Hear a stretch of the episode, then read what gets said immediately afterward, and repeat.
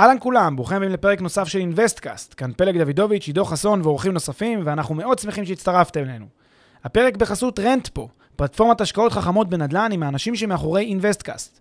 רנטפו מאפשרת לכם להשקיע בשקיפות וביעילות בנכסים מניבים, תוך ליווי וניהול מוקפד ומקצועי מקצה לקצה. היכנסו ל-rentpo.com, חפשו השקעה שמעניינת אתכם ותאמו איתנו פגישה דיגיטלית. בנוסף, לפני שנתחיל, נזמין אתכם להצטרף לקהילת המאזינים של אינוויסטקאסט בפייסבוק. חפשו אינוויסטקאסט בשורת החיפוש והצטרפו לקהילה. ועכשיו לפרק נוסף של אינוויסטקאסט.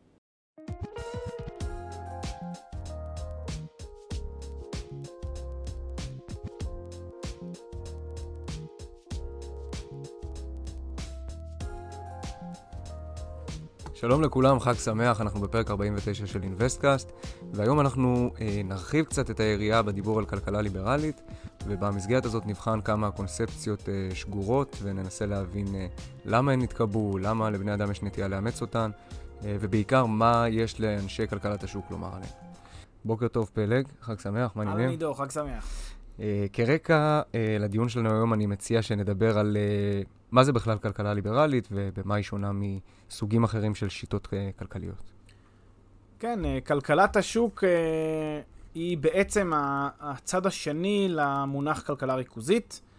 בעצם אפשר לומר שיש שני סוגים, יש כלכלת, שני צדדים, כן, על הסקאלה הזאת. יש מצד אחד את כלכלת השוק, מה שמכונה קפיטליזם, שבעצם בהם גורמי הייצור וההון נשלטים על ידי הפרט, אוקיי? פרטים הם מחזיקים בגורמי הייצור וההון. אה, יש את הצד השני, שזו כלכלה ריכוזית, כלכלה סוציאליסטית, סוציאליזם, אה, שלפיה גורמי הייצור וההון נשלטים על ידי הכלל, אוקיי? על ידי הקומונה, על ידי הקהילה. אה, זה יכול להיות המדינה, זה יכול להיות רשויות, זה יכול להיות גופים מסוימים, וזה לא נשלט על ידי, בכל מקרה זה לא נשלט על ידי גופים פרטיים, אלא על ידי איזושהי קומונה, על ידי איזושהי קהילה. עכשיו, חשוב לומר שיש כאן, כמו שגם ציינתי קודם, סקאלה. סקאלה שבין מצד אחד קפיטליזם, במובנו היותר, אה, אה, כן, הכי הכי ימני, לבין אה, צד שני, שזה צד הסוציאליזם המאוד מאוד שמאלני, שזה אה, כבר לכיוון הקומוניזם. אה, הצד הכי ימני אפשר לקרוא לו קפיטליזם אנרכיסטי או אנרכו-קפיטליזם, שזה בעצם ממש אנרכיה, אה, במובן שאין אה, גורם אה, שלטוני מרכז, אה, ובעצם הפרטים מחזיקים בגורמי הייצור וההון באופן אה, לחלוטין אה, אה, נטול אה, מגבלות אה, רגולטוריות, נטול אה, גורם רגולטורי מאסדר.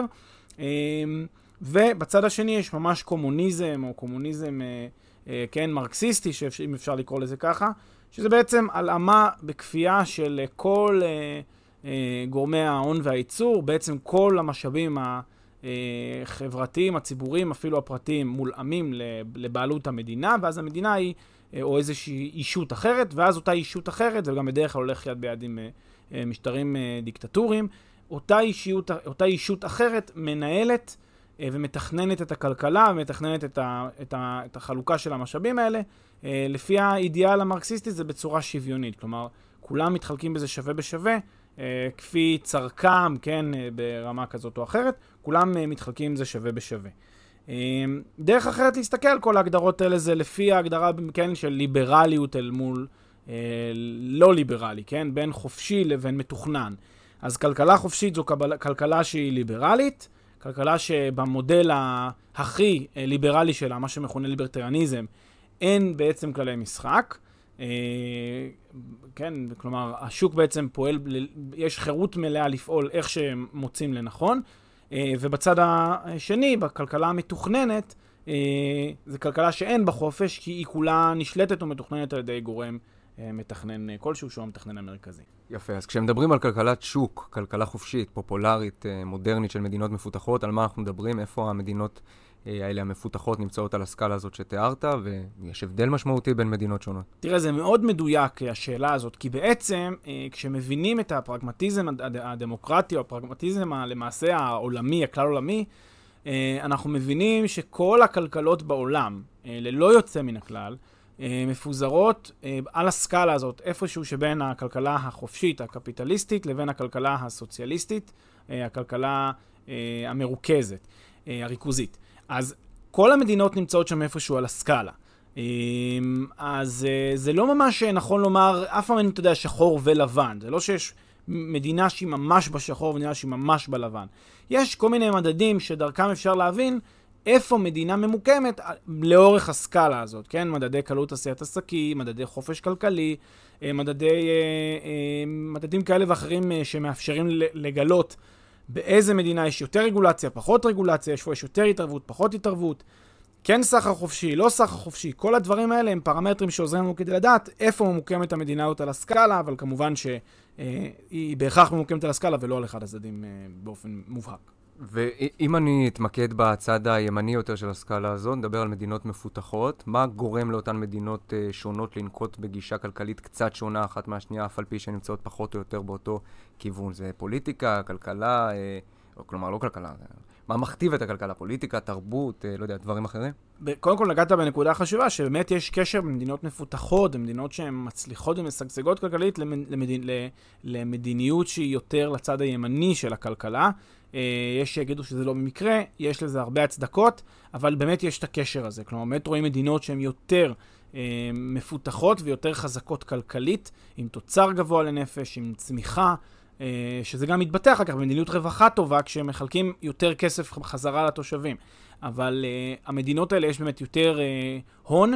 וזה הרבה תודות אה, לבחירה היותר, אה, כן, אה, חופש, יותר דוגלת בחירות אה, כלכלית. אה, כמובן זה במידה, לא, שום דבר הוא לא קיצוני. ובמענה לשאלתך, מה משפיע על הבחירה של מדינות אה, מפותחות איפה למקן את עצמה, אז זה כבר אה, שאלה באמת פוליטית, שאלה... יש שיגידו פוליטיקה מול פופוליזם, כן? כשיש איזשהו דרך לנסות לשכנע לקהל מצביעים להצביע לי, אז אני אציע הצעה פופוליסטית, גם אם היא לא בהכרח עולה בקנה אחד עם מה שנכון כלכלית לעשות. זה גם הרבה פעמים מה שמוביל מדיניות כלכלית שהיא שגויה לפעמים. הפרק בחסות מחירון פרופדו, מחירון הדירות של ישראל. מחירון הדירות המקיף והמתקדם בישראל, המאפשר לכם לגלות בלחיצת כפתור מהו המחיר של הנכס. והכל בחינם. חפשו בגוגל מחירון פרופדו או מחירון הדירות של ישראל.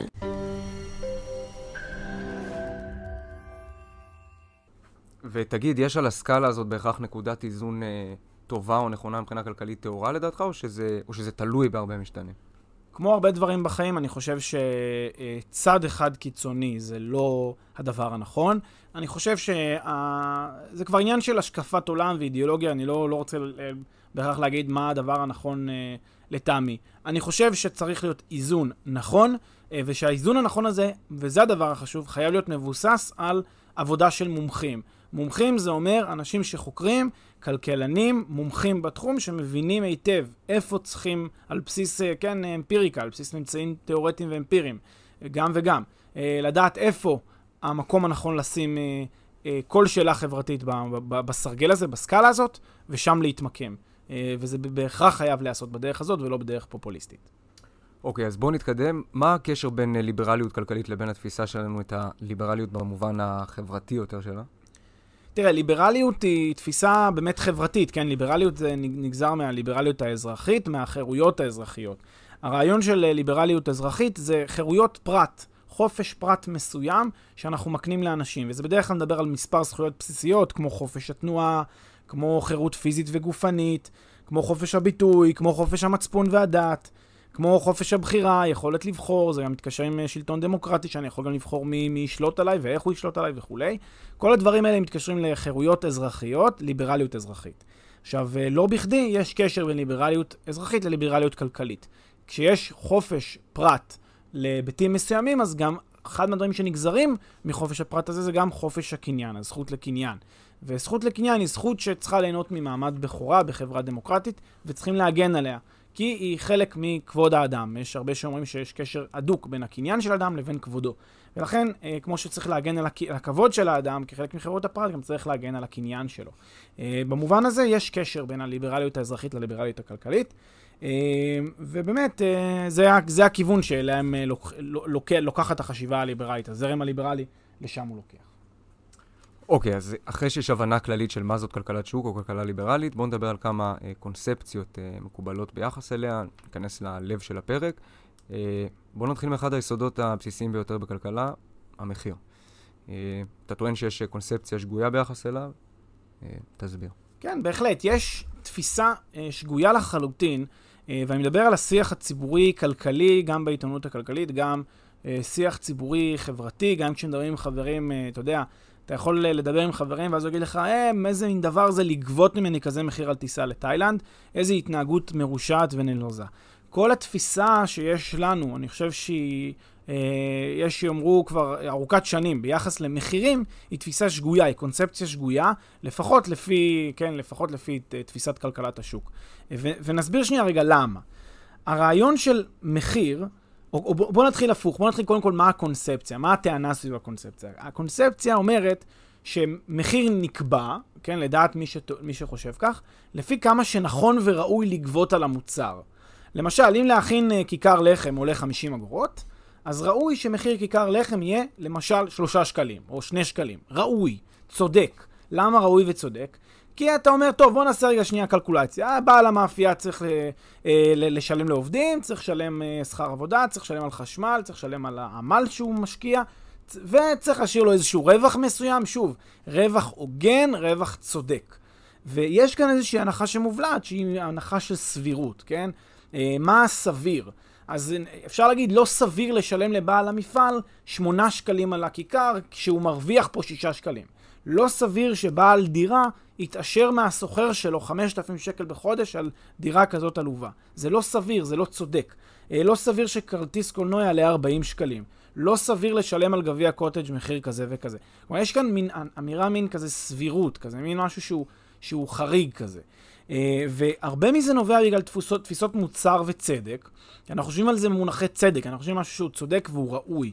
ואז אנשים אומרים, מחיר צריך להיות משהו צודק, צריך להיות משהו שהוא, אה, כן, מתיישב לנו עם עמות המוסר. אם, אם גובים ממני כזה, כרטיס מחיר, כזה מחיר לכרטיס לתאילנד, זה לא צודק. זה לא ראוי שיגבו ממני כזה מחיר וימנעו ממני משהו שאני רוצה לעשות אותו, ושיפגעו בי ככה. יש פה משהו לא צודק לד, לדעת הטענה הזאת, ויש פה גם, מעבר למוסר והצדק, גם תפיסות של שוויון. כן, יש כאן איזה מין הנחה שאנחנו כולנו משחקים במין משחק כלכלי אחד, אני ובעל המאפייה, או אני ומוכר כרטיסי הטיסה, אה, כן, חברת התעופה, אנחנו משחקים באותו שדה אחד, וכשהם מבקשים ממני 8 שקלים על הלחם, או לא יודע מה, איקס דולר על כרטיס הטיסה לתאילנד, וזה מאוד יקר ולא צודק בעיניי, יש פה גם פגיעה קשה בשוויון. כי הם פוגעים באיזון בינינו, הם כאילו לוקחים כסף שהיה יכול להיות שלי, וכאילו עושקים אותי, גוזלים ממנו את הכסף הזה. פגיעה גם בשוויון וגם בצדק. זה שתי התפיסות שנלוות למילה מחיר, כשאנשים חושבים על מחיר. תחשבו על עצמכם מה אתם חושבים על מחירים. בדרך כלל בזה זה נשען, על זה, על התפיסות האלה. אז uh, בגלל זה הרבה פעמים אתם מוצאים אנשים, וזה לא, אתם יודעים, זה כאילו, uh, הרבה אנשים אומרים את זה כאילו כלאחר יד, לא מקדישים לזה מחשבה, אבל תחשבו כמה, כמה זה באמת מושרש בקונספציה הזאת, בקונספציה הציבורית, שאנשים אומרים בין אחד לשני, איזה מחירים מופקעים, איזה רמאי, uh, גוזל, איזה, איזה גנב, גנבים לוקחים ככה וככה מחיר על כוס קפה. זה התפיסה ביחס למחיר, וזאת קונספציה שלדעת כלכלנים רבים היא שגויה לחלוטין, שממש מנותקת מההיגיון הכלכלי שעומד מאחורי המחירים. תגיד, אבל אני מריץ לעצמי כל מיני תרחישים בראש, ואני זוכר שבחוק אה, אה, הגבלים העסקיים, אני חושב שפורש באיזשהו שלב, אה, בהקשרים מסוימים, שתכף אולי אתה קצת תרחיב לגביהם, אה, שבמקרים מסוימים, אם גובים 20% מעל עלות ייצור, או 25% מעל עלות ייצור, או כל מיני הגבלות כאלה, אז המחיר הזה הופך להיות לא צודק, או לא ראוי, בדיוק הפוך ממה שאתה מתאר ביחס ל... אה, כן, איך המחיר אמור להיקבע. אם בית המשפט מחליט ש-20 או 25 אחוז מעל אה, עלות הייצור של מוצר מסוים, שתכף אולי תסביר איזה סוג של מוצרים אלה, אה, זה מחיר לא הוגן, אז איך זה מסתדר? תראה, קודם כל, החקיקה שאתה מתייחס אליה היא חקיקה של הגבלים עסקיים, שעוסקת בסיטואציות מסוימות שבהם יש לנו, אה, כן, אה, הגבלים עסקיים. זה, זה הסכמים או איזושהי צורה ש, שבה יש ריכוזיות בשוק. כלומר, יש פה איזשהו כשל שוק, שכמענה לכשל השוק הזה התערבו, הוציאו איזושהי חקיקה, הוציאו, יצרו רגולציה, רגולצ... רגולציה של הגבלים עסקיים ורגולטור של אה, רש... רשות ההגבלים העסקיים, ובעצם היא אמונה על אותם מקרים שבהם יש אותו כשל שוק. אבל צריך לומר, המקרים האלה, כן, בוא נאמר, אם הייתה לנו כלכלה תחרותית רגע, לנגד עיניהם, הרבה, הרבה מה, אתה יודע, מהתסכול של אנשים נובע בגלל שאין כאן כלכלה תחרותית בהרבה מאוד דברים, וזה נובע בעיקר, בהרבה מקרים, בגלל שיש חוסר הבנה לגבי אה, הבעיות הכלכליות שיש כאן. אז, אז הרבה מאוד מהוויכוח הוא על, על זה שהמחיר שגובה הוא מחיר מונופוליסטי, מחיר קרטליסטי, מחיר יקר. ואז הטענות הן לא צריכות להיות המחיר לא צודק, המחיר לא ראוי, אלא לא ראוי שיהיה מונופול, לא ראוי שיהיה קרטל, ואז מה עושים, מה לא עושים. בסדר? זה, ה, זה סדר הדברים הנכון. אבל המחיר כשלעצמו הוא פרוקסי, הוא תוצאה, הוא לא, הוא לא איזה משהו שמישהו קבע אותו כמשהו שהוא נכון וצודק. אז בתגובה שנותנת אה, בית, שנותן בית המשפט או שנותנת רשות הגבלים עסקיים היא תגובה לסיטואציה נתונה. במצב שבו יש תחרות משוחדת ויש תחרות על מוצרים, אה, כמו למשל גם אה, אפשר לומר בענף התעופה, שלדוגמה די, דווקא די יפה עם השמיים הפתוחים, או כל מיני ענפים אחרים, יש תחרות שהיא מספיק טובה, ואז הדרישות האלה הן דרישות יותר רחוקות. אוקיי, okay, אז בואו נסביר באמת למה הקונספציה הזאת סביב ה... ה... קצת יותר לעומק, כן? למה הקונספציה הזאת סביב מחיר uh, ראוי ולא מחיר שוק, ב... ב... ב... ב... בהנחה של שוק תחרותי, היא לא, uh, כן? אין לה אחיזה במציאות. כן, כי בסופו של דבר אנחנו מבינים, גם דיברנו על זה לא פעם באינבסטקאסט, שהמחיר נקבע על ידי השוק ב... ב... כתוצאה של שיווי משקל בין ביקוש לבין היצע. זאת אומרת, יש לי uh, מספר שחקנים שמעוניינים לקנות, מספר שחקנים שמעוניינים למכור, יש לי uh, את שתי העקומות, עקומת הביקוש ועקומת ההיצע. במקום שבו שתי העקומות האלה נפגשות, שם ייקבע המחיר. המחיר הוא תוצאה, הוא תוצאה של איזשהו שיווי משקל, אופטימיזציה של השוק. הוא לא משהו שמישהו קובע, אוקיי? זה לא מישהו יכול לשנות את המחיר. בואו נעשה רגע סימולציה קצרה, קצרה כדי להבין למה אי אפשר באמת לקבוע את המחיר. נניח שיש יצרנים של uh, לחם שמתלבטים בין שלוש רמות uh, מחירים שהם יכולים לקבוע ללחם. כן? אפשר למכור את הכיכר הלחם בשלושה שקלים, אפשר בארבעה שקלים ואפשר בחמישה שקלים. עכשיו, אם הם מוכרים את הכיכר לחם בשלושה שקלים, אז הם יחיו ברמת חיים נמוכה. כל היצרנים. כי שלושה שקלים זה לא מספיק כדי שהם יחיו ברמת חיים, אפילו בינונית, נמוכה. רמת החיים הבאה זה רמת חיים שאם הם ימכרו את זה בארבעה שקלים, אז הם יוכלו להגיע לרמת חיים בינונית. בסדר? עכשיו, יש להם אפשרות גם להגיע לרמת חיים גבוהה ולמכור בחמישה שקלים. אם יעשו קרטל, יתאמו את המחירים ויקבעו חמישה שקלים לכיכר ויצליחו למכור, אז הם יגיעו לרמת חיים גבוהה והכל יהיה טוב ויפה. כמובן שבשוק תחרותי זה אסור, ושגם לפי כללי הגבלים עסקיים וגם בשוק תחרותי זה אסור, זה גם לא יחזיק מעמד. אה, ולכן אנחנו מקבלים מעין שיווי משקל כנראה סביב המחיר של 4 שקלים. זה ייצור רמת חיים נניח בינונית אה, לאופי הלחם, וזה יהיה מחיר שהוא מחיר תחרותי, מחיר שיווי המשקל. עכשיו, מה יקרה אם יהיה עכשיו איזשהו אה, מוכר אופה לחם אחד, שהוא יהיה חמדן, הוא יהיה גרידי. אתה יודע, תמיד בשלב הזה אומרים, אנשים הם טובים, לא, לא רוצים, ל, לא, לא גרידים, לא חמדנים. בואו נניח שיש רק חמדן אחד. רק אדם אחד הוא גרידי. מתוך כל האופים הטובים וה... אה, וה באמת אה, שאכפת להם שהמחיר לא יהיה מחיר מקפח. יש אחד שכן רוצה אה, להתעשר ולעשות אה, פה יופי של אה, סיבוב. מה הוא יכול לעשות? הוא יכול להבין שיש פה איזשהו אה, אה, רווח עודף לקטוף. הוא יגיד, טוב, אני לא אמכור ב-4 שקלים, אני אמכור ב-3.8, 3.7. אני אגנוב לקוחות. אני אעשה צעד כזה שבו אני אה, גונב לאנשים לקוחות.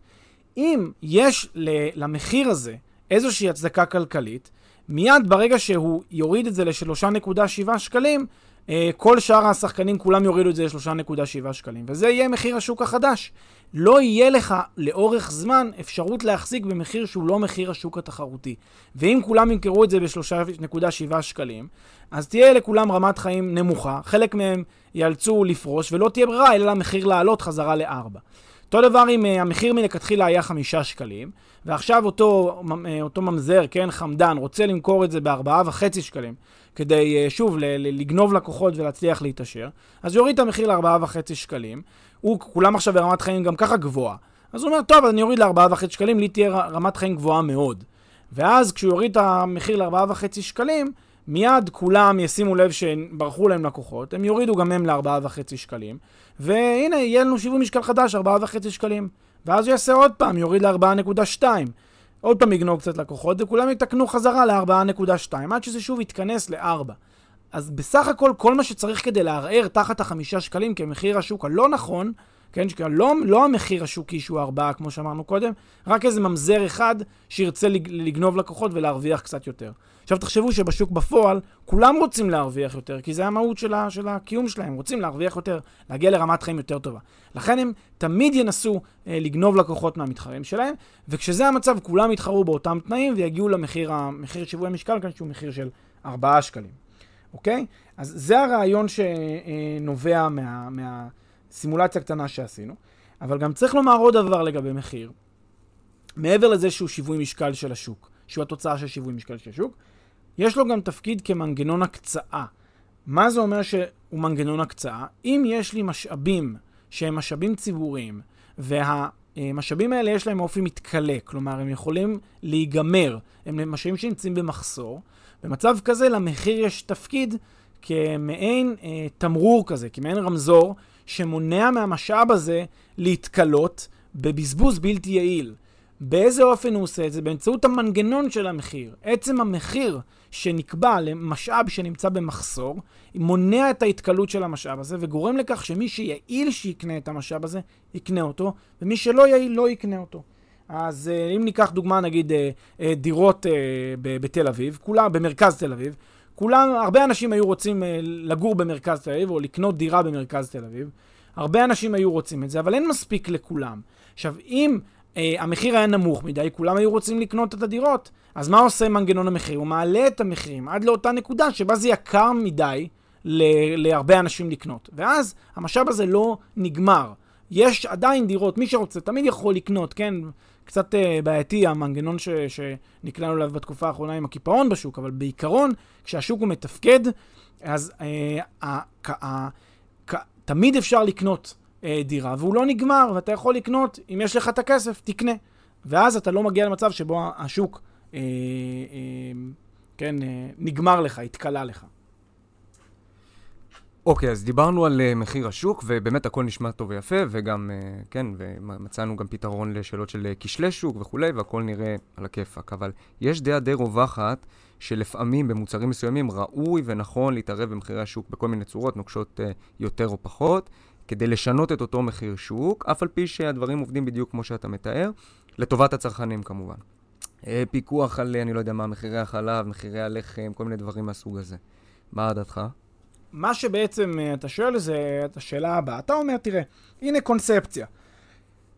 אם יש מוצר מסוים שהמחיר שלו יקר ולא צודק ולא ראוי, אז אפשר בצורה נורא פשוטה על ידי מתח תכנון מרכזי להחליט מה יהיה המחיר הצודק והראוי, לקבוע אותו בחוק, ואז באמת אי אפשר יהיה לגבות שקל מעליו, זה יהיה מחיר המקסימום, כן? אפשר יהיה לגבות תמיד מתחתיו, אבל אף אחד לא יעשה את זה.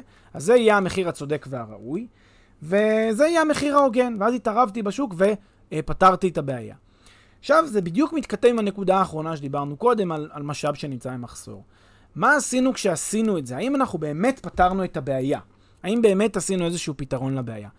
אנחנו, מה שעשינו פה, אנחנו בסך הכל החלפנו את הבעיה מבעיה אחת לבעיה אחרת. המרנו את הבעיה מבעיה אחת לבעיה אחרת. למה זה קרה? קודם היה לנו מנגנון הקצאה, שאמרנו מנגנון הקצאה על בסיס המחיר. כולם רצו לקנות רוצים לקנות דירה במרכז תל אביב. כולם רוצים, אבל מה לעשות, אין מספיק דירות לכולם. מה מחליט מי יקבל? אותו תמרור שנקרא המחיר. אם המחיר גבוה, עד לנקודה שבה המחיר כאילו גבוה מספיק, כדי שלא כולם יוכלו לקנות. אם המחיר גבוה מדי, אני לא אקנה לי. אם המחיר אה, נמוך, אני, אני אקנה. מאוד פשוט. עכשיו, התמרור הזה קיים, היה קיים. פתאום בא מישהו ומחליט, לא, הוא לא קיים יותר, אני קובע את המחיר. אני קובע שאי אפשר לקנות, למכור דירה בתל אביב מעל 20 אלף אה, שקל אה, למטר. אוקיי? תחשבו שהיום יש בתל אביב גם ב-70-80 אלף שקל למטר, אני אקבע רבע מזה, 20 אלף שקל למטר. אז מה אני עושה? אני בסך הכל מחליף את הבעיה שהייתה קודם, ש... אה, כן, ש... כן, שהמחיר היה יקר לחלק מהאנשים, אני מחליף את זה שבמקום שאותם אנשים שזה היה יקר להם קודם, יהיו אנשים אחרים שלא יקבלו את הנכס הזה. למה? כי זה משאב במחסור. כשיש משאב במחסור, אם אני לא משתמש בתמרור שהוא תמרור המחיר, באיזה תמרור עכשיו אני צריך להשתמש? תמרור אחר. מה מנגנון ההקצאה האחר שאני אחליט לפעול לפיו כשאין לי את מנגנון המחירים? זה יהיה מנגנון נגיד שרירותי, מנגנון של או חלוקה שרירותית, הגרלה כזה, אני אחליט לתת לחלק, לתת לאחרים לא, שזה מנגנון מוזר מאוד. או שאני פשוט עושה תור. רשימה, אני, אני אעשה תור עכשיו, כל, כולם לבוא לפה. אה, הנה, אני עכשיו מוכר לכם דירה במרכז תל אביב, דירת 100 מטר ב-2 מיליון שקל. יהיה פה תור של עשרות אלפי אנשים עכשיו שיעמדו כאן בתור. ועכשיו אני אשאל אתכם את השאלה, איך ייקבע התור הזה? מה, מי מגיע, מי מגיע קודם? כולם י- ירוצו, ישנו, ישימו אוהלים לפני, מתחת לקריית הממשלה כדי להיות ראשונים בתור. עכשיו, מה עוד יקרה? יהיה פה מעין נפוטיזם כזה, כן? איזה מקורב של איזה מישהו ידחוף אותו קדימה בתור, והוא יעקוף אותו. זה יהיה קטסטרופה, אבל בכל מקרה, בכל מקרה, ברשימה הזאת שתיקבע, יהיו אנשים שלא יקבלו, כי אין מספיק. אז, אז מה עשיתי? בסך הכל החלפתי את הבעיה מזה שקודם לא, אנשים לא קיבלו, כי פשוט לא יכלו לשלם את המחיר, לעכשיו סיטואציה שאנשים לא קיבלו, כי הם פשוט איחרו לתור, או כי מישהו עקף אותם כי הוא מכיר איזה מקורב, או כי נעשה איזה משהו. זאת אומרת, את הבעיה עצמה, והיא שאין לכל מי שרוצה את היכולת לקנות דירה בתל אביב, את הבעיה הזאת לא, או להשיג דירה בתל אביב, את הבעיה הזאת לא פתרתי באמצעות המנגנון, כי לא יצרתי דירות חדשות. מה שעשיתי זה בסך הכל המרתי את הבעיה מבעיית המחירים לבעיית התור. והטענה שהרבה פעמים מעלים כאן בהקשר של בעיית התור, זה שהיא הרבה, הרבה יותר גדולה, הרבה יותר מהותית. כי בתורים האלה, החוסר צדק וה, והפגיעה היא הרבה יותר אנושה. אנשים יכולים לעמוד בתור גם אם יש להם צורך מאוד מאוד חיוני בדירה שם. וגם אם זה היה מאוד מאוד יעיל שהם יקבלו את הדירה שם. והבעיה גם בתורים האלה היא גם באמת הכר פורה לשחיתות שהיא מביאה איתה, וליכולת לעקוף את התור אם אתה מכיר איזה מישהו שם איפשהו. ומה אם מי שיגיד לך, לקחת דוגמה קלה של אה, פיקוח על מחירי, אה, על מחירי הדירות בתל אביב, לצורך העניין. אבל uh, אתה יודע, יש uh, פיקוח על uh, מוצרי חלב, ויש פיקוח על, uh, לא יודע מה, לחם אחיד ודברים מהסוג הזה. אז חברות מוצאות uh, פתרונות, ומוכרות uh, חמאה או לא יודע, כל מיני מוצרי חלב אחרים. אז לכאורה אמור להיווצר מחסור באותו חלב בסיסי שאותו פיקחו. אבל תכלס, שורה תחתונה, אתה הולך לסופר, המוצר הזה לא במחסור, והנה הוא מפוקח. איך, איך אתה מסביר את הנקודה הזאת? קודם כל, הרבה מוצרים שנמצאים תחת פיקוח, לאו דווקא פיקוח של מחיר מסוים, אה, הם כן במחסור, אם יש פיקוחים מסוג אחר, יש, יש עכשיו משבר בתחום החמאה, אה, אבל כל, כל, כל איזה תקופה אנחנו רואים מוצר אחר שפשוט אי אפשר למצוא אותו בסופר. אגב, הרבה מוצרים שנמצאים בסופרים כמעט בכל העולם המודרני לא נמצאים בסופרים כאן. אה, הרבה מזה בגלל התערבות. וצריך לזכור שהרבה מאוד פעמים כשמפקחים על מחירים, עושים את זה בדרך כזאת שגם יש איזשהו תמריצים אה, לאותם אה, מפוקחים, ואז בעצם מהדלת האחורית בעצם נתנו להם את הכסף, אבל כן אה, אה, יצרנו מין מנגנון כזה שאנחנו מאפשרים לאנשים לקנות במחיר הנמוך. ואז עולה השאלה, אם עשינו מנגנון של סבסוד ליצרן, ומצד שני אה, הורדנו את המחיר לקונה, אז למה שלא פשוט ניקח את הכסף הזה ונעביר אותו ישירות לקונה, והוא יחליט מה הוא עושה איתו. אנחנו הכתבנו לו מין סל מוצרים שלנו הוא נראה נכון. אני אשאל אותך עכשיו שאלה, אם אני עכשיו אדם דל אמצעים, ופיקחו לי את מחיר החלב, אבל אני לא אוהב חלב, כן, מן החי. למה אני צריך, זאת אומרת, למה, למה ויתרו עליי, כבן אדם דל אמצעים שלא אוהב חלב מן החי? אז יש פה מין איזושהי פטרוניות כזאת בסל המוצרים שאני צריך אותו. אה, פיקחו לחם מהסוג הזה, אני לא רוצה, אני לא אוהב לחם, אני לא אוכל לחם, לא בריא לי לחם. אה, יש לי, לא יודע מה, מחלה שאני לא יכול, לא, לא יכול לאכול לגלוטן. יש, כל ההסתכלות של מתכנן, כאילו אני אחליט בשבילך איזה סל מוצרים הוא הנכון כאן, היא השגיאה. אם אתה רוצה לתת לקבוצה מסוימת איזושהי, הטבה כלכלית כדי לאפשר לה, להקל עליה ברכישת הקניות, וזה דבר נכון וראוי, נפלא, תן את זה כסבסוד ישיר אה, באמצעות, אה, כן, הטבה כספית. אבל לה, להוריד, לפקח על המחירים, לתת פה איזשהו מין מנגנון כזה, אה, מעגלי כזה, לא כך ברור, על מוצרים ספציפיים שאני בוחר מהם, פה יש כבר בעיה, ושוב אנחנו נכנסים לשאלה של עד כמה התכנון פה הוא נכון, לא נכון. אוקיי, okay, אז אני ממשיך את הנקודה האחרונה שלך לגבי סבסוד, ובואו נתקדם לקונספציה אה, שעוסקת בחלוקת המשאבים בחברה. חלוקת המשאבים בחברה היא אחד הדברים, אחד הריבים הכי גדולים אה, בחברה הישראלית, אחד השסעים הכי גדולים בחברה הישראלית. איך לחלק את המשאבים כאן. אה, אני לא אכנס כאן לוויכוח שהוא טיפה יותר מקדמי, אני אגיד רק במילה שיש כאלה שאומרים, אם כך, אם יש כל כך הרבה ריבים על איך לחלק את המשאבים, למה שמלכתחילה נרכז אותם בידי המדינה שהיא צריכה לחלק אותם? פשוט שזה יהיה בידיים פרטיות, ואז לא יצטרכו לריב איך לחלק אותם, והשוק יכתיב איך, איך המשאבים האלה צריכים להתחלק, כמובן תחת כל מיני מגבלות על כשלי שוק. אז זאת טענה אחת, אני לא אכנס אליה לעומק, למרות שהיא מעניינת בפני עצמה. מה שכן צריך לומר לגבי חלוקת המשאבים, היא נושא המילה חינם. המילה חינם שגורה מאוד בשיח הציבורי, גם בעיתונות הכלכלית, גם, בס... גם בחדשות וגם ב... ב... ב... כולם מדברים פה על זה שהמדינה נתנה להם משהו חינם. כרטיס קולנוע חינם, כניסה לאצטדיון חינם ו... ולא יודע מה, דירה חינם.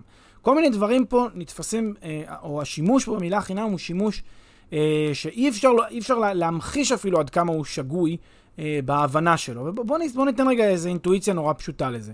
כשלי יש חשבון בנק בחשבון שלי בעו"ש, ואני מזמין את, מפנק את עצמי בכרטיס קולנוע, או בכניסה לאצטדיון, משלם על עצמי את ה-50-80 שקלים כדי להיכנס לראות משחק. האם אני יכול להגיד שנתתי לעצמי כרטיס חינם לאצטדיון? התשובה היא, בוודאי שלא. זה היה, היה לי כסף בחשבון, אני שילמתי באמצעות הכסף, לא נתתי לי חינם. קניתי לעצמי את הכרטיס, בכספי, בכספי שלי. לעומת זאת, פתאום כשמדברים על כלכלת מדינה, אנשים מסתכלים על זה כאילו זה חינם.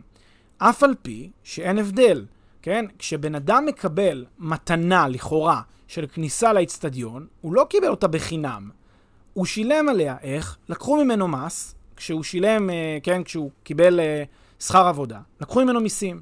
ועכשיו החליטו שמתוך המיסים נותנים לו 60 שקלים שהוא שילם אותם חזרה כדי לקנות כרטיס אצטדיון חינם. ואז אתה יכול לשאול את השאלה, אז רגע, למה מלכתחילה גבית ממני את ה-60 שקלים האלה? אולי ב-60 שקלים האלה הייתי עושה שימוש אחר, לאו דווקא כניסה לאצטדיון. אוקיי? אז אין פה באמת חינם ב- ב- בעולם הכלכלי של כלכלת המדינה, אין באמת חינם. יש אה, מין מנגנון כזה שבו המדינה לוקחת כסף, ועכשיו היא מתחילה לחלק אותו. לחלק אותו בין הרבה מאוד אה, צרכים. והיא החליטה לתת לך את משהו שהיא החליטה על דעת עצמה שזה הדבר הנכון. זה לא הופך אותו לחינם מזווית המבט שלך. אבל כן. ותגיד, מה אם יגידו לך שההטבה הזאת שניתנת לקבוצה מסוימת אה, אה, בחברה, בחברה, היא בסך הכל חלוקה קצת שונה של התקציב, שגם ככה כבר נקבע מראש. לדוגמה, כלומר, התקציב היה X, ופשוט במקום שציבור א' יקבל חלק מסוים מאותו תקציב, ציבור ב' יקבל אותו. נגיד, אנחנו לוקחים uh, מהסבסוד לחינוך התורני ומעבירים לזוגות צעירים במסגרת תוכנית מחיר למשתכן. אז הנה, קיבלנו מצב שבו ציבור ב', שהוא הזוגות הצעירים במקרה הזה, קיבל משהו בחינם, ואף אחד לא שילם על זה, כי בלאו הכי ציבור א' היה אמור לקבל את זה. כן, זו באמת טענה נכונה, אם, אם נוס... ברגע שכבר גבית את המס וגבית וקבעת את התקציב מראש, אז עכשיו אתה אומר, הנה, יש כבר תקציב שהוא כבר נקבע, אז כבר הכסף יצא לי מהכיס, אותם 60 שקלים. אז א', אתה יכול להחזיר לי את ה-60 שקלים, אני אעדיף. כלומר, עדיף יהיה לי לקבל ממך חינם, במרכאות, חזרה את ה-60 שקלים, ולא שתיתן לי חינם כרטיס כניסה לאצטדיון, ו- ואז אני צריך להחליט אם זה מתאים לי או לא מתאים לי החינם הזה של הכרטיס כניסה לאצטדיון. כי אולי אני לא רוצה אצטדיון, אולי אני רוצה משהו אחר לעשות בכסף הזה, אולי אני רוצה הרבה חינמים, לצבור אותם, ובסוף לטוס לחו"ל, כי זה מה שאני אוהב לעשות עם החינמים שאתה מחזיר לי. אז זה, זה שיקול ראשון, אבל אני חושב שיש פה טענה נוספת גם בהקשר הזה, והיא ש... בדרך כלל, או לא מעט פעמים, מה שקורה זה שבכל זאת יש כאן מעין אה, תרגיל שעושה אותו פוליטיקאי כשהוא מנסה לקחת כסף. הוא, הוא, הוא עושה את זה לא במסגרת התקציב. הוא יגיד, אני אתן לך חינם, אבל הוא אה, טיפה ישחק עם הנתונים, טיפה ישחק עם החשבונאות, באופן כזה שבו זה לא ייראה לך כאילו קיבלת את הכסף הזה, אה, שזה ייראה לך חינם, לא תרגיש שזה בעצם הוחרג מהתקציב, ואתה בכל זאת משלם עליו בדרכים אחרות, למשל בכסף שהיה אמור להיכנס לקופת המדינה, שלא דרך מנגנון המיסוי הישיר. אז יש פה כל מיני תרגילים שאפשר לעשות אותם. דבר נוסף שאני חושב שליין אנדרניס, ושצריך לומר אותו כאן, זה נושא הסבסוד. וזה עובר כחוט השני לאורך הנושא הזה של החינם. הרי מה זה בסוף חינם? נניח אנחנו נותנים כרטיס לאיצטדיון חינם לכל תושבי המדינה. מה, מה זה בעצם החינם הזה? זה בעצם אומר שמי שניצל את הכרטיס, ייהנה מכניסה לאיצטדיון. מה עם מי שלא ניצל את הכרטיס? האם חשבנו פעם עליו? הוא שילם כסף, כן, 60 שקלים, כדי, או כן, במקרה הזה כמובן פחות, כי צריך לחלק את זה לפי כמות האנשים שכן ניצלו, אבל הוא שילם סכום מסוים, נגיד 4 שקלים, 2 שקלים, אפילו 10 אגורות, הוא שילם מכספו כדי לממן למישהו אחר את הכניסה לאצטדיון. עכשיו, אני שואל את עצמי את השאלה הבאה, האם זה צודק שאתה, שנטיל על אנשים עלויות מסוימות כדי לממן פעילויות של אנשים אחרים? עכשיו, מי קובע מהן הפעולות האחרות שאנשים אחרים יבצעו? מישהו שהוא מנהל איזשהו, אה, כן, איזושהי אה, אה, מחלקה באיזשהו משרד כלשהו. הוא מחליט שזה הדבר הנכון לעשות. עכשיו, על בסיס ההחלטה שלו, מישהו שהוא בכלל לא קשור, צריך לשלם למישהו אחר שגם אליו הוא לא קשור את, ה, את ההנאה הזאת. זה לא בהכרח צודק, זה סבסוד, זה פשוט מימון של פעילות של מישהו אחר. אז, אז כולם משתתפים באיזושהי עלות שמישהו, שקבוצת מישהו הם, כן, מי, מי שהם אה, אה, משתתפים בה, וזה הכל, זה הנושא של הסבסוד הזה, של החינם הזה, שהוא לא באמת חינם. אוקיי, okay, אז בואו כנקודה אחרונה נדבר באופן כללי יותר על האופן שבו נתפס uh, תפקיד המדינה, בדרך כלל על ידי uh, אנשים, ועל איך אנשי כלכלת שוק רואים את uh, התפקיד של המדינה. תראה, הדרך, הקונספציה בדרך כלל שגורה בכל נוגע לתפקיד המדינה, הוא מעין תפקיד של אימא ואבא כזה, תפקיד של שומר. שומר סף ומי שדואג ומי שאמור לדאוג לכל צרכיי.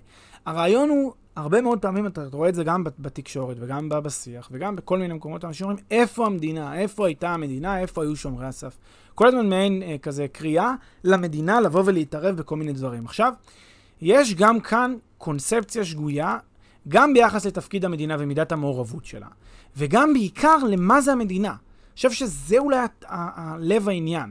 הרבה מאוד אנשים מסתכלים על המדינה כאלה, כאלה מין איזו אישות שמימית כזאת, אלוהית כזאת, מין איזה גוף אבסטרקטי, שהוא בעצם זה שהגוף אה, אה, הזה, אה, מעין אל כל יכול, שיודע לעשות הוקוס פוקוס ולפתור תחלואות שיש בחברה, אם הוא רק היה רוצה. אוקיי? אם הוא רק היה רוצה. אם רק היו לו כוונות כאלה.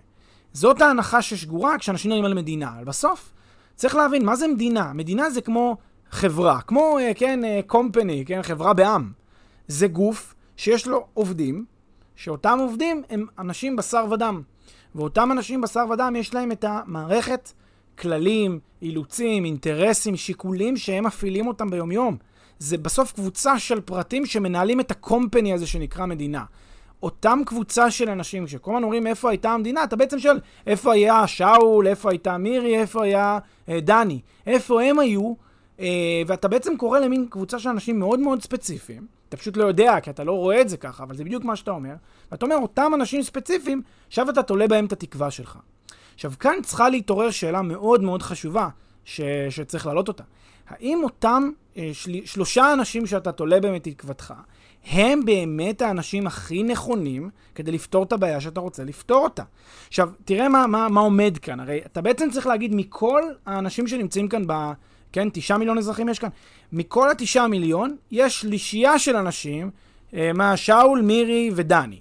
שאול, מירי ודני הם האנשים מתוך התשעה מיליון הכי חכמים היום, שידעו לפתור את הבעיה הזאת בצורה הכי טובה.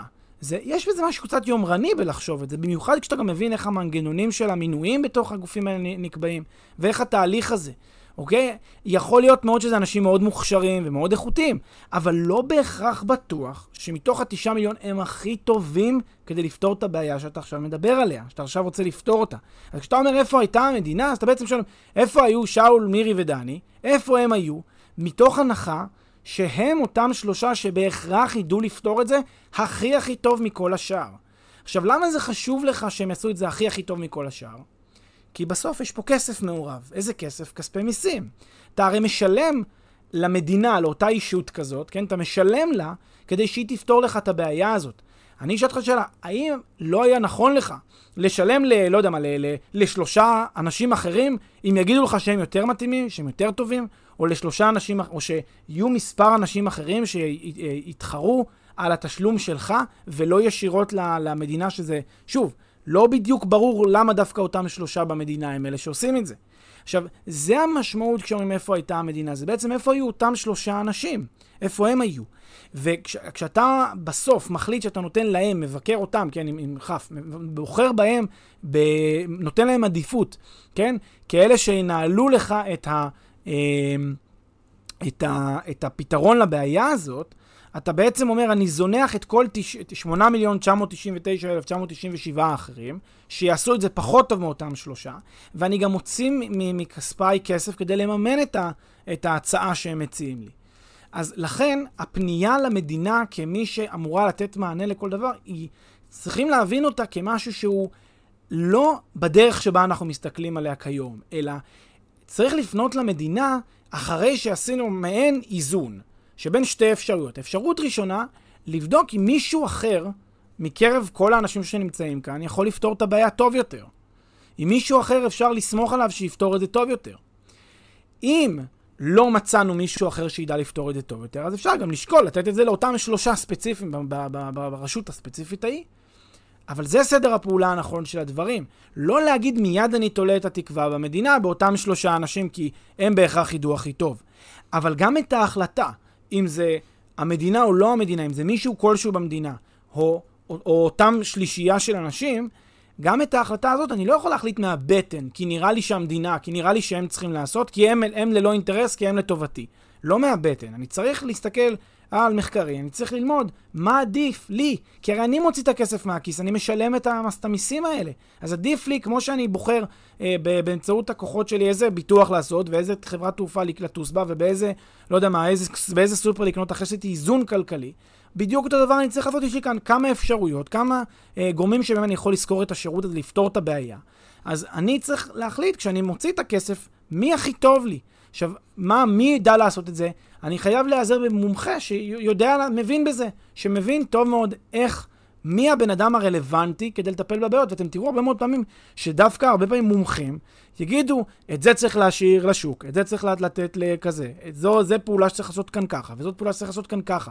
ולפעמים יגידו, לא, במקרה הזה צריך שרשות רגולטורית, אה, אה, שיש לה, אה, לא יודע מה, מערכת של אכיפה מאחוריה, עם, עם יכולת לאכוף, להוציא לפועל וגם לשפוט בסוף, היא הגורם הכי טוב.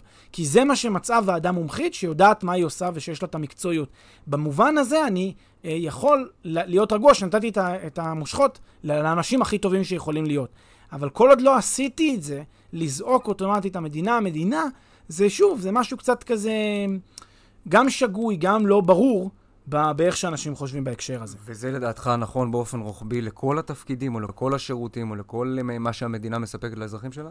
כמובן שכל אה, הפרק הזה... אני אחדד, אני אחדד את השאלה. יש, אה, אתה יודע, לפעמים... אה, כשמדברים על רכבת, אז מדברים על רכבת, על להפריט, לא להפריט, ודברים מהסוג הזה. אבל פתאום כשמתחילים לדבר על בתי כלא, הפרטות של בתי כלא, ופתאום כשמתחילים לדבר על הפרטה של שירותי רווחה, אז יש אנשים שיש להם את הקווץ' הזה בבטן, שאומרים לעצמם גם אה, אולי זה עלול להוביל אותנו למקום מסוכן שבו חברה פרטית אה, שולטת ב, כן, בחירות של בני אדם בחברה, במקרה של בתי כלא, או אה, במקרה של שירותי רווחה, פתאום אה, שירותי הרווחה יהפכו להיות כמו מעין חברות ביטוח כאלה שלא נותנות אה, לחלשים ביותר בחברה את מה שהם צריכים לקבל, ועל המדינה אנחנו כן סומכים. כלומר, גם אם יש פה עניין כלכלי ועניין של מומחיות, אה, יותר טוב בשוק הפרטי מאשר במדינה, יש דברים שצריך להשאיר במדינה. יש, איך אני אחזיר את הכדור חזרה אליך, אני אשאל אותך את השאלה הבאה. בוא נניח שלא נקרא לזה המדינה. בוא נניח שנקרא לזה, אה, שאול, לא זוכר את השמות שם, שאול, ורד ו- ואירנה. האם להם אני רוצה לתת, ספציפית להם, את הניהול על בתי הכלא? אה, או, או לתת את זה לשלושה אנשים אחרים שהם פרטיים, כן? אני לא מסתכל על זה כמדינה, אני מסתכל על זה על הפרטים שמרכיבים את אותה, את אותה רשות. ואז כשאני עושה את זה ככה, הרבה יותר קל לנתק את זה, לנתק, להרים את המסך הזה ולהגיד, אוקיי, יש פה בעצם פה קבוצה של אנשים פרטיים ופה קבוצה של אנשים פרטיים, וזה לא כך משנה מי הם. אתה צריך רק לוודא שיש הלימת אינטרסים בין מה שנכון לי כפרט לבין מה שנכון להם. ואם זה אינטרס אה, אה, כלכלי, לא אכפת לי שיהיה להם אינטרס כלכלי, כל עוד זה עולה בקנה אחד עם האינטרס שלי, שהתמריצים הם נכונים ומתואמים. אבל במענה בכלל ברחב יותר לשאלה שלך, אני חושב שהדרך הנכונה בכלל. שוב, זה, זה גם, צריך גם לומר את הדברים בפרספקטיבה הנכונה שלה. יש שירותים שכחברה, לפי תפיסתי, אני לא, לא מדבר הרבה על התפיסה שלי בהקשר הזה, אבל לפי תפיסתי, אנחנו כן צריכים את האיזון הזה בין מצד אחד, אה, אה, כן, אה, שהכל נעשה על ידי השוק, לבין מצד שני שהכל נעשה בצורה מרוכזת. יש דברים שאי אפשר לבצע אותם, אף מדינה לא יכולה להתקיים, כן, אף חברה לא יכולה להתקיים בלי שיש מדינה ורשות שמסדרת. כן, תחשוב אפילו על אכיפת חוזים, בתי משפט, דברים מהסוג הזה שהוא בסיסי, יש גם דברים הרבה פחות בסיסיים שצריך שיהיו בחברה מודרנית כדי שהיא תתפקד כמו שצריך.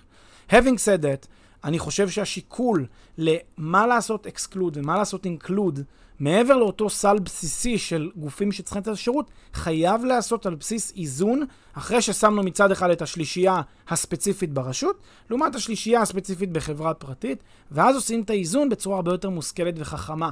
אבל לא לשים כסות, לשים מין כזה מסכה מעל השלישייה שיושבים ברשות מסוימת ולהגיד, כן, טוב, המדינה, המדינה, זה מין מסכה כזאת, מבלי להבין שבסוף יש פה בשר אה, ודם שמקבלים את ההחלטות בדיוק כמו שכל אחד אחר היה מקבל. אגב, וזו נקודה חשובה שגם צריך לומר אותה.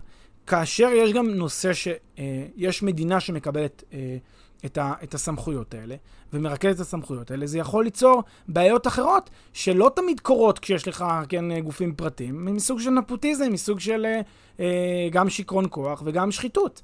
ולא בכדי, איפה שיש מדינה יש שחיתות, זה לא מפתיע.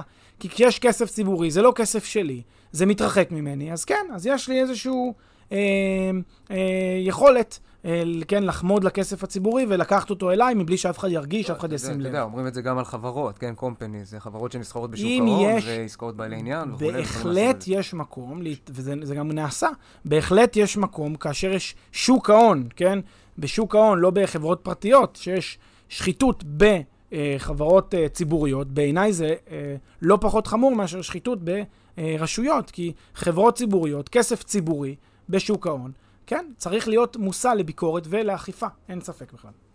טוב, אה, פרק מעניין, קונספציות אה, שנוגעות ל- לכלכלה ולכלכלת שוק אה, אה, בפרט. אני חושב שהיה פה הצגה אה, טובה, מעניינת של אה, מה זה כלכלת שוק, מה זה כלכלה ליברלית.